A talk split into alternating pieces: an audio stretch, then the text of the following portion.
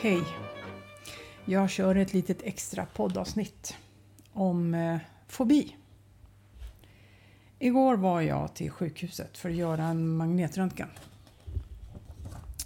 Det är ju som de flesta vet ett avlångt smalt rör som man åker in i och eh, där ska man ligga i stilla i minst 10 minuter, oftast mycket längre. Och det är väldigt, väldigt trångt utrymme. Jag har något som heter cellskräck, eller fobi om man hellre vill använda det ordet. Det innebär att jag har stora, stora problem med att bara att vara i trånga utrymmen såsom hiss, låsa en toadörr där det inte finns ett fönster och absolut framförallt magnetröntgen. Även förkortat till MR. Ni som var med på 80-talet när solariesängarna kom. De som man skulle fälla ner den övre delen när man hade lagt sig. Jag kan säga så här mycket att eh, den var alltid ofälld när jag solade. Så jag vände mig efter cirka halva tiden. Jag vet. Sjukt ändå hur man gjorde solarie. Ja, så känslig är jag i alla fall. Jag har blivit sövd två gånger när jag har gjort magnetröntgen. Sista gången var för två och ett halvt år sedan. Så nu när jag skulle göra det igen var jag helt övertygad. Alltså jag var verkligen övertygad om att det här kommer jag fixa. Jag har ju flugit i år. Jag har haft värsta flygskräcken. Och det gick galant. Jag har även åkt hiss själv. Och jag har även läst, låst toadörren. Det har jag gjort ett bra tag. Allt detta har jag gjort efter att jag arbetat med mig själv. Först och främst då när jag utbildade mig som KBT-terapeut men också under min egna, när jag gick på KBT under min rygg, mina ryggskador. Eh, både genom mental träning och KBT-verktygen då, som jag har jobbat med det här och de, de är så bra. Eh, vilket fall som helst då, så jag anlände jag till röntgen igår. Känner hur pulsen börjar öka. Ja, här startar amygdala självklart. Jag provar att djupandas så att eh, oxytocinet och dopaminet och kanske även serotonin, ja det är ju så mycket substans det va, som jag vill ska sätta fart på mitt lugna, lugna nervsystem. Mm.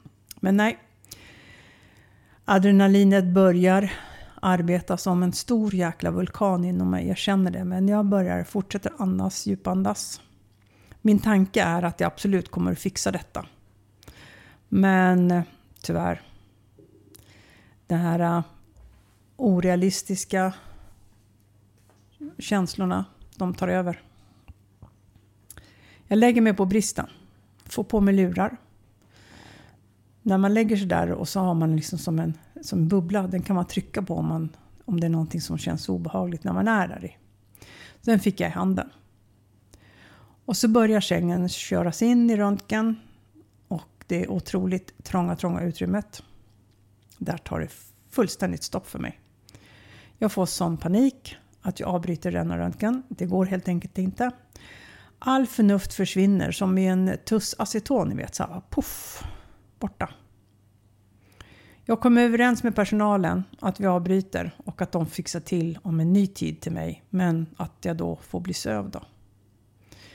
Det kanske inte låter något stort men, och konstigt med den här grejen för dig. Men för mig var det en jättestor grej.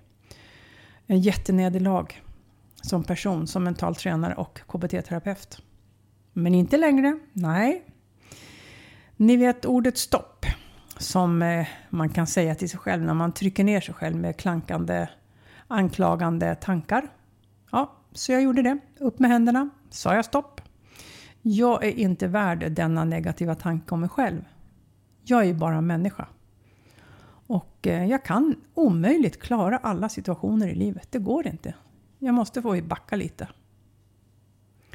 Måste ju först få en möjlighet att jobba med den här fobin. Det, det är någonting som jag är väldigt övertygad om. För den här fobin är så djupt grundad hos mig.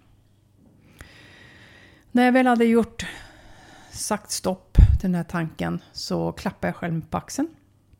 Och så sa jag till mig själv att jag är faktiskt grym ändå. Som inte lät att den här tanken skulle få någon möjlighet att befästa sig hos mig. Så det är en del utav varför jag kör det här extra avsnittet om att det är så lätt när man inte klarar av saker att man har fokus bara på den biten som du inte klarade av. Istället för att ha fokus på att allt det andra som du klarar av. Och det är faktiskt ganska skönt ändå att få vara lite sårbar emellanåt också. En annan sak som jag också tänkte på igår var att allt som oftast blandar vi ihop kontrollbehov med fobi. Som flygrädsla till exempel, det är ju mestadels kontrollen över planet. Medan cellskräck är mer som en fobi där alltså det funkar inte. Tankarna funkar inte där. Men jag vet att det går att ordna. Så en fobi kan vi faktiskt arbeta bort med att utsätta oss själva med just det som är läskigt. I små, små doser. Och eh, mental träning innan alla, vad ska man säga, inte bara mental träning utan också beteendeträning och sånt där. Så pratar vi om myrsteg. Och det är verkligen så. Små, små doser, små, små myrsteg.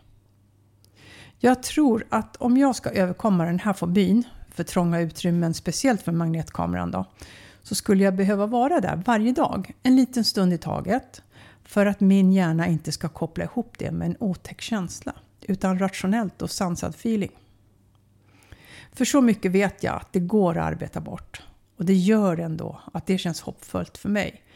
Och att även du som lyssnar kanske också har något du är skräckslagen för. Vet att du kan fixa det med hjälp av olika verktyg som olika terapeuter har. Eller coacher. Det tar bara olika lång tid, så ge inte upp. Så att känna sig misslyckad en liten stund är okej, okay, bara vi inte tillåter den tanken befästa sig för hårt. Säg stopp. Tack för att du tog dig tid. Och du, gör dagen till den bästa hittills. Stor kram!